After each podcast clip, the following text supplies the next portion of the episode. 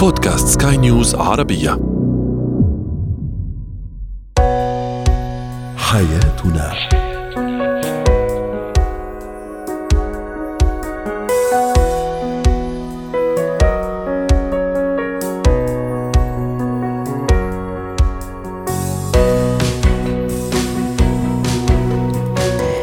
مستمعينا الكرام أهلا بكم معنا إلى حياتنا فضاؤكم اليومي الذي يعنى بشؤون الأسرة وباقي الشؤون الحياتية الأخرى والتي يمكنكم الاستماع إليها عبر منصة سكاي نيوز عربيه dot com slash بودكاست وباقي منصات سكاي نيوز العربية الأخرى. شاركونا عبر رقم الواتساب 00971 561 معي أنا أمال شاب. اليوم نتحدث عن طلاق الوالدين. هل يؤثر على علاقة الشريك مستقبلا بالطرف الآخر أو بشريكه؟ أيضا الأهل أو عفوا الأطفال وعلاقتهم بالجد بالجده أيضا. وفاة الجدين أو أحدهما هل يؤثر وفاة الجدان أو أحدهما هل يؤثر على نفسية الطفل؟ وأخيرا كيف نستثمر في ذاتنا بشكل ناجح وناجع؟ هو وهي. أكيد طفولتنا لها تأثير بشكل أو بآخر على حياتنا في المستقبل. ماذا إذا كان في هذه الطفولة طلاق بين الوالدين بين الأب والأم؟ وما يخلفه هذا الطلاق طبعا من أثار نفسية على هذا الطفل الذي سيصبح شابا أو فتاة أيضا بعد سنوات من العمر. هل يؤثر هذا الموضوع على علاقته بالشريك بالزوج أو الزوجة وبتصرفاته؟ ما الذي ينقص هذا الشخص أو هذا الفتاة اللي هي عبارة عن نتيجة طلاق بين والديها وأيضا بالنسبة نفس الشيء بالنسبة للشاب. دعونا نتعرف على هالموضوع من زوايا نفسية وسيكولوجية مع الدكتورة كريم اللي هي الخبيرة النفسية والمستشارة النفسية الأسرية ضيفتنا من بيروت. مساء الخير دكتورة كريم. أهلا وسهلا فيك. طلاق الوالدين قد يحدث للأسف آه لسبب أو لآخر آه يؤثر في الأطفال وبالتالي في آه، الأطفال لما يصبحوا شبان وفتيات رجال ونساء مستقبلا. كيف يؤثر في علاقتي بالشريك إذا كنت أنا آه، والدي مثلا تطلقا وأنا صغيرة وأنا صغيرة؟ نعم.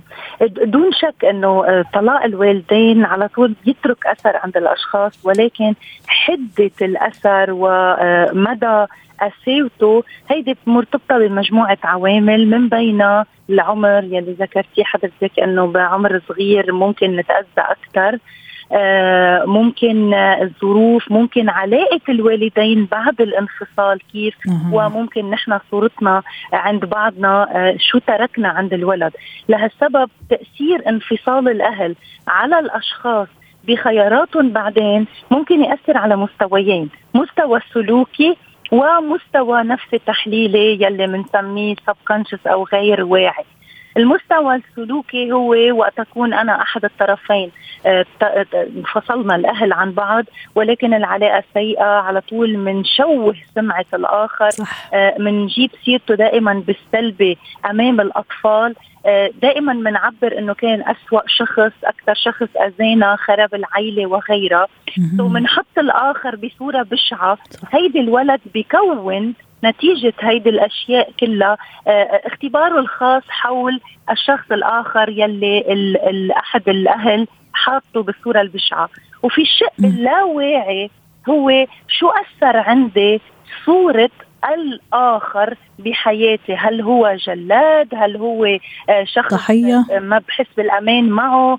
هل هو شخص ممكن حس بالخطر إذا بدي يكون قريبة منه لأنه في كثير أيوة. أشخاص نتيجة انفصال والديهم ما بيقعدوا يكرروا آآ آه، صح. آآ تجربة تجربة الزواج لأنه عندها نظرة سيئة أو عنده نظرة سيئة عن الزواج أو عن الجنس الآخر أو الطرف الآخر دكتورة لما أنا كشاب رايح مثلا أتقدم لفتاة أنا عارف أوريدي أنه والديها انفصلا وهي صغيرة أو أنا فتاة تقدم لخطبتي شاب أنا عارفة أوريدي أنه أبويه انفصلا وهو صغير.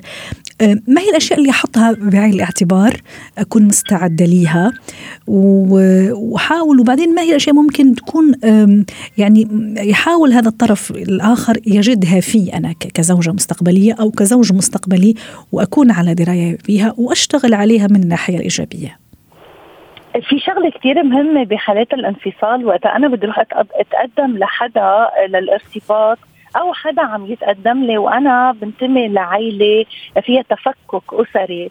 هون مش بالضرورة أكون حاطة هيدا الموضوع كعامل أولي م. للتواصل. يعني هيدا أو معيق. من الأشياء. مزبوط هيدا جزء من الأشياء أو الأمور أو صح. المعلومات يلي بده يتعرف فيها شريكي علي تباعا. وحكما تداعيات انفصال أهلي على نفسيتي هو الجزء الأهم يلي بده يكون عم بيواجهه الشريك المستقبلي. صح. أكثر من فكرة الانفصال بحد ذاته أنا كنت رح أسأل كمان هذا السؤال بس خليته بعدين إنه تداعيات علي أنا كيف أشتغل على حالي؟ لكن في كل الأحوال أكيد أنا رح أتعامل مع شخص دكتورة في كل الأحوال أنا رح أتعامل مع شخص فعلا عاش في أسرة مفككة بحكم هذا الطلاق. هل يحق لي أو هل لازم مثلا أعرف أشياء ظروف الطلاق كيف كان أهله كيف تعاملهم؟ لأنه ممكن هذا رح يعطيني ملمح ما. وزي ما تفضلتي أكيد ما رح يكون يعني عائق كبير إني ما أستمر في هالعلاقة أو إني ما أدخل في علاقة جدية ولا إني ما أرتبط. بس أتصور كمان في جانب شوية لازم يعني أتوقف عنده. هيدي نقطة كتير دقيقة. إذا أنا لازم خبر شريكي هالمعلومات الكثيرة عن طلاق أهلي ولا بدي أعطيه معلومات كافية. ولكن شريكي مش غلط يكون بيعرف بعض الأشياء. في نقطة كتير مهمة لازم ننتبه لها إنه أنا يلي بدي أقوله لشريكي عن انفصال أهلي هو إدراكي أنا لما حصل ولكن ليس حقيقة ما حصل. رائع. يعني إذا أنا من أنا وصغير اخذ طرف مع أحد الطرفين من أهلي ومتعاطف معه ومعتبر إنه آه، بيي لنقول كان الشرير. أنا بدي وقت أخبر لشريكي عن انفصال أهلي بدي أخبر عن قديش بيي كان شرير وأمي كانت ضحية. لهالسبب هيدي النقطة بحد ذاتها منا مهمة بقدر ما أنا شو عشت أو شو بقي داخلي من انفصال أهلي كيف بدي أعالجه قبل ما أفوت على حياتي الزوجية أيوة. لحتى ما أرجع أعكسه على رائع. حياتي. طرحتي سؤال جوهري وحابين نعرف فعلا الجواب. كيف بدي أعالجه؟ آه، أول شيء أنا كشريك مش مسؤوليتي عالج مشاكل شريكي السابقة بحياته. أنا بقدر إدعمه بقدر اكون واقف حده آه، بقدر شجعه على استشارات نفسية متخصصة لأنه بهيك حالات في كثير أشخاص بيكونوا عاملين بلوكاج في كثير حالات بيكون في أشخاص بيكونوا عاملين آه، دفاعات كثيره في أشخاص بيكونوا تبنوا أدوار الضحية. هيدي النقاط كثير مهم نحن كأشخاص نكون عم نشتغل عليها قبل ما نفوت على علاقة ثنائية على علاقة زوجية. تما نرجع نكرر الموديلات السابقة أو إذا حاملين وجع من الماضي تما نجي نعمل له إسقاط على العلاقة الزوجية. بقدر كشريك أنا أكون عم بتعاطف كون عم بعطي آه، عم بت عم بتفهم آه، عم شجع ولكن أنا ماني المعالج تبع شريكي. حتى وإن حتى وإن في نقص مثلا معين في هذا الشريك وعم يطلبوا دكتورة كريم؟ عفوا حتى وإن كان في نقص أو نقائص في هذا الشريك اللي عانى من التفكك الأسري وبالتالي هذه النقائص راح يعوضها مع الطرف الآخر، هل كمان الطرف الآخر مش مسؤول إنه يعوضه على كل هالنقائص والمطلوب منه يعطيه فقط ما هو مطلوب؟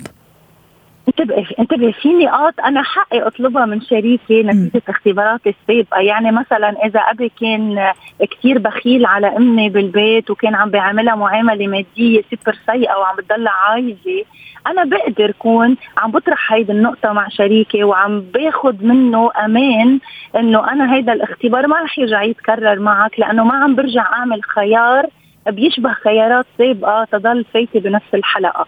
حكما هون بقدر كون والشريك عنده دور.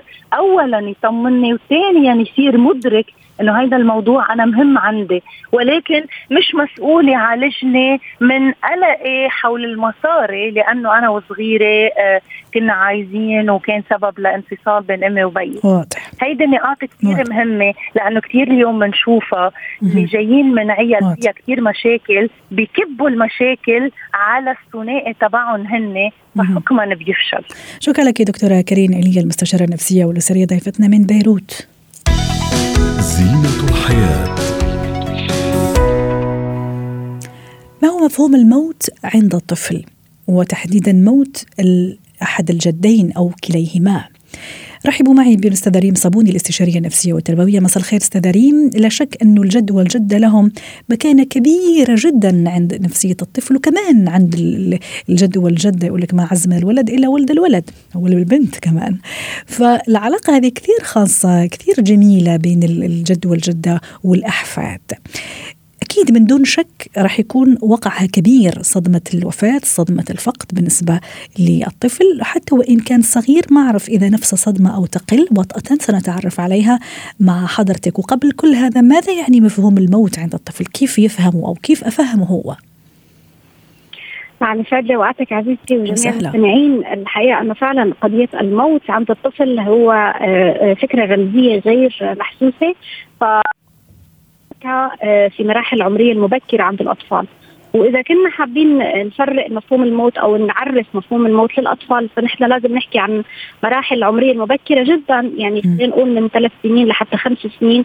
وفوق الستة من ستة لعشره مفهوم حيكون مختلف تماما. رائع. يعني إذا كان طفل صغير آه، أي يعني؟ كيف مفهومه؟ كيف يفهمه؟ أو كيف أفهمه أنا على هذا هذا المفهوم؟ اي طيب نحن باختصار حتى نروح لموضوعنا الأساسي اللي هو وفاة الجد أو الجدة. تمام. الطفل بيفهم بطريقة محسوسة ملموسة فنحن ممكن نقرب هاي الطريقة من إنه مثلا نعرفه عليها يعني يا ريت طبعا محبذا إنه يكون مسبقا قبل ما تحصل الصدمة. إذا ما قدرنا حنحكي له إنه كيف نحن جميع الكائنات تتدرج بالنمو لتصل إلى مرحلة الموت وممكن نضرب له مثال ونوريه كيف كانت مثلا شجرة خضراء بعدين تدرج عليها الفصول ثم بنية بعدين أصبحت عارية من الأوراق وهذا يعني الموت. أو الكائن الحي اللي عايش معنا بالمنزل كيف لما مات أو قصة أي. نحكي له قصة أو نورجيه يحبذ الصور كيف الكائن الحي البشري يكون طفل بعدين بيصبح شاب بعدين بيصير كهل آه وبيصير عجوز وبعدين يموت. والموت يعني آه هو أنه يذهب ولا يعود مرة أخرى. هذه هذه هذه النقطة الأهم في الموضوع كله. نعم. لا يوجد عودة مرة أخرى، طيب إذا كان أكبر بالسن هون بدنا نقول له طبعا في شغلة إنه نحن ما بصير نقول له إنه والله جدك أو جدتك ذهبت إلى السماء، لأنه هون رح يفضل بباله إنه آه، يبقى أنا إذا نظرت للسماء ممكن أشوف تيتي أو جده أو أبحث عنهم بين النجوم، هون أنا ما عرفت المفهوم الصح، لازم أكون عم أعرفه المفهوم بالمعنى الحقيقي وليس المعنى المجازي أو المعنى الخيالي للطفل. فهون نقول لا هو ذهب آه، جدك أو جدتك مثلا آه، آه، توفى يعني هو ذهب عند رب العالمين مثل ما كل الكائنات بتموت. لكن كمان معلش سامحيني أستاذ ريم في هذا العمر كمان مفهوم الله سبحانه وتعالى هذه المفاهيم كمان صعب على الطفل إدراكها في هذا في هذا السن. صحيح تماما لكن نحن بنحاول إنه نعطي القدر المناسب للمرحلة العمرية. يعني أنا ما بحكي له كل الأشياء. ما بقول له جنة ونار بمرحلة عمرية مبكرة.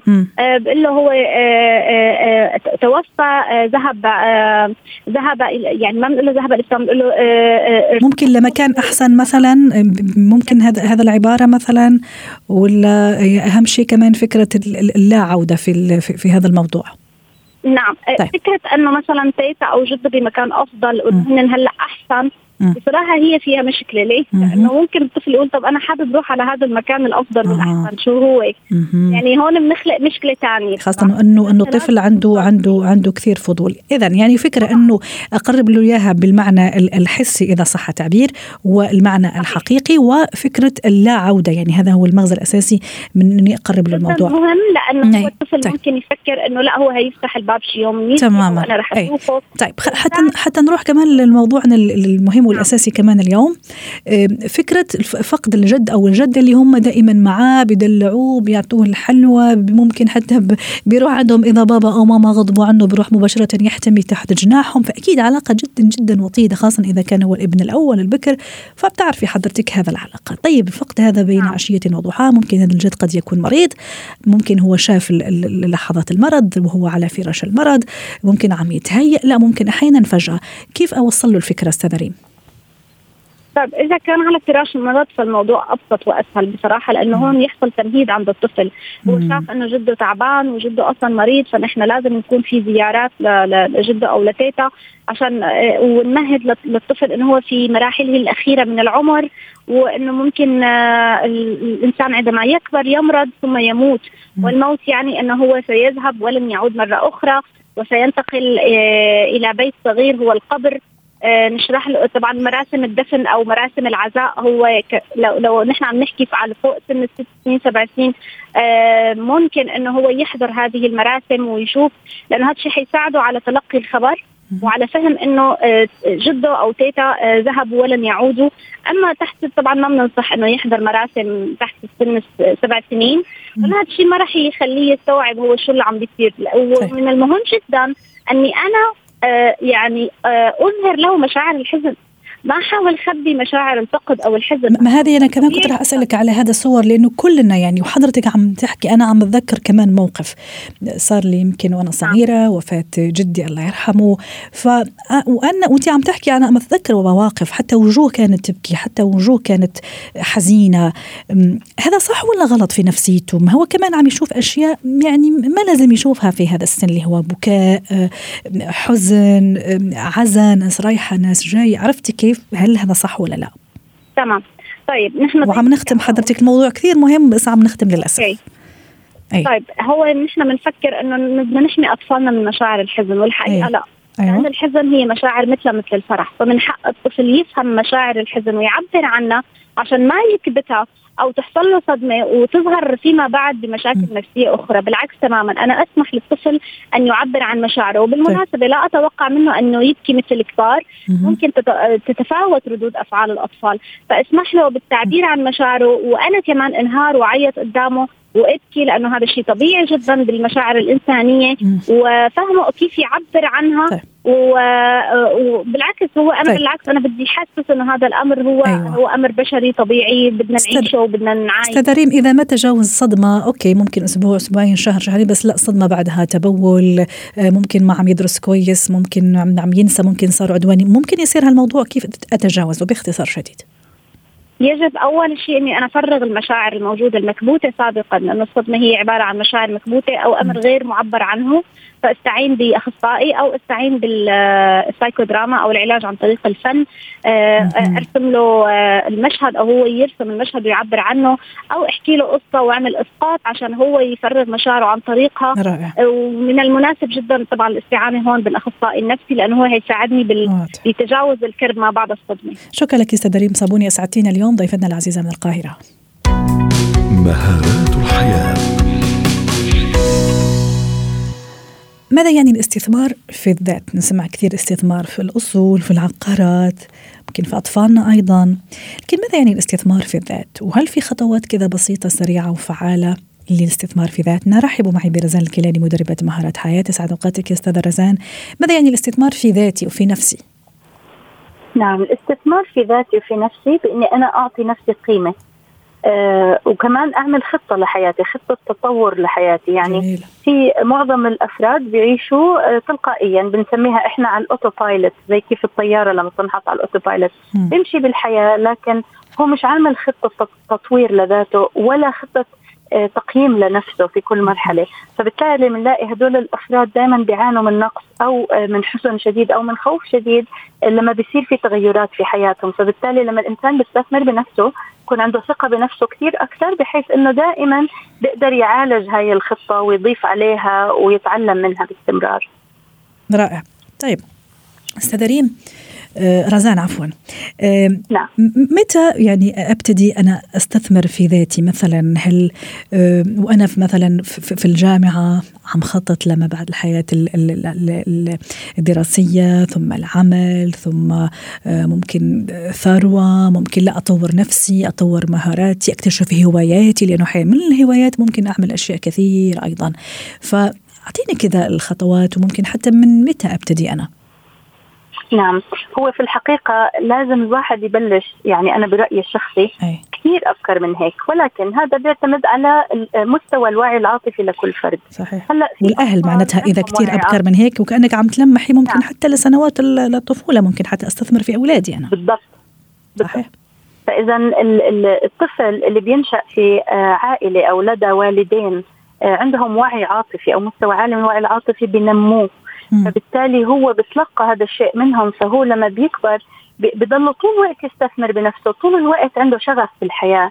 آه، بصير مثلا بيعرضوا لكذا نشاط آه، لكذا هواية فبيعلق بوحدة منها. فبالتالي آه، شوي شوي بصير يتبع الشغف هذا تبعه وبوصله لأماكن دائما أكثر تطورا وأكثر متعة وأكثر معنى.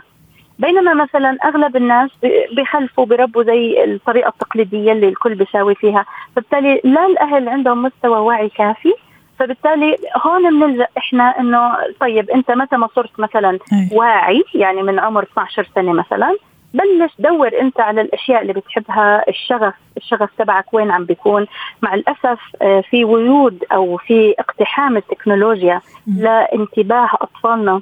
وحتى الشباب واليافعين وحتى الأكبر من ذلك الكل صار ما عماله يتفضى يركز على حاله فبالتالي هذا بتطلب رجوع إلى ذاتنا. أيوه. يعني على سيرة الرجوع إلى ذاتنا آه، أستاذة رزان حضرتك أشرتي ويفضل آه، إنه من الصغر وحنا أولادنا صغار نحاول نستثمر فيهم ونستثمر في, في ذواتهم أيضا.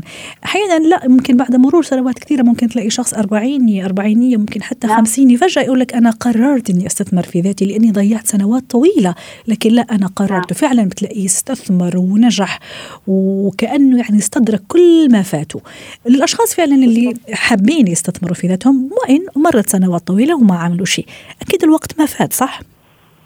نعم. آه لا ما تأخر. آه في الحقيقة شو نعمل؟ شو, شو نصيحتنا لهؤلاء؟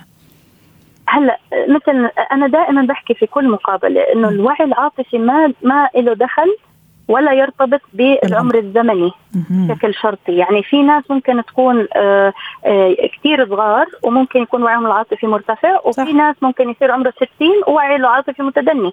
فإذا لما الإنسان بيوصل للحظة الوعي بسموها بالإنجليزي الآها مومنت اللي هو فجأة اكتشف حاله إنه هو مثلا بنقصه وعي معين يسعى وراءه، يعني مثلا يقرأ كتب، يقرأ مدونات، آه، مثلا يحاول يتصل مع آه، آه، جماعة زي مجموعات يعني على سواء أونلاين أو شخصي مثلا بيقرأوا كتب بيناقشوا مواضيع مهمة، يعمل كورسات معينة، هلأ أغلب الكورسات صارت أونلاين فبالتالي بمتناول الايدي وأسعارها صارت رخيصة، مثلا يحاول دائما يعرض حاله لتجارب جديدة هو عم بحس في عنده اهتمام فيها.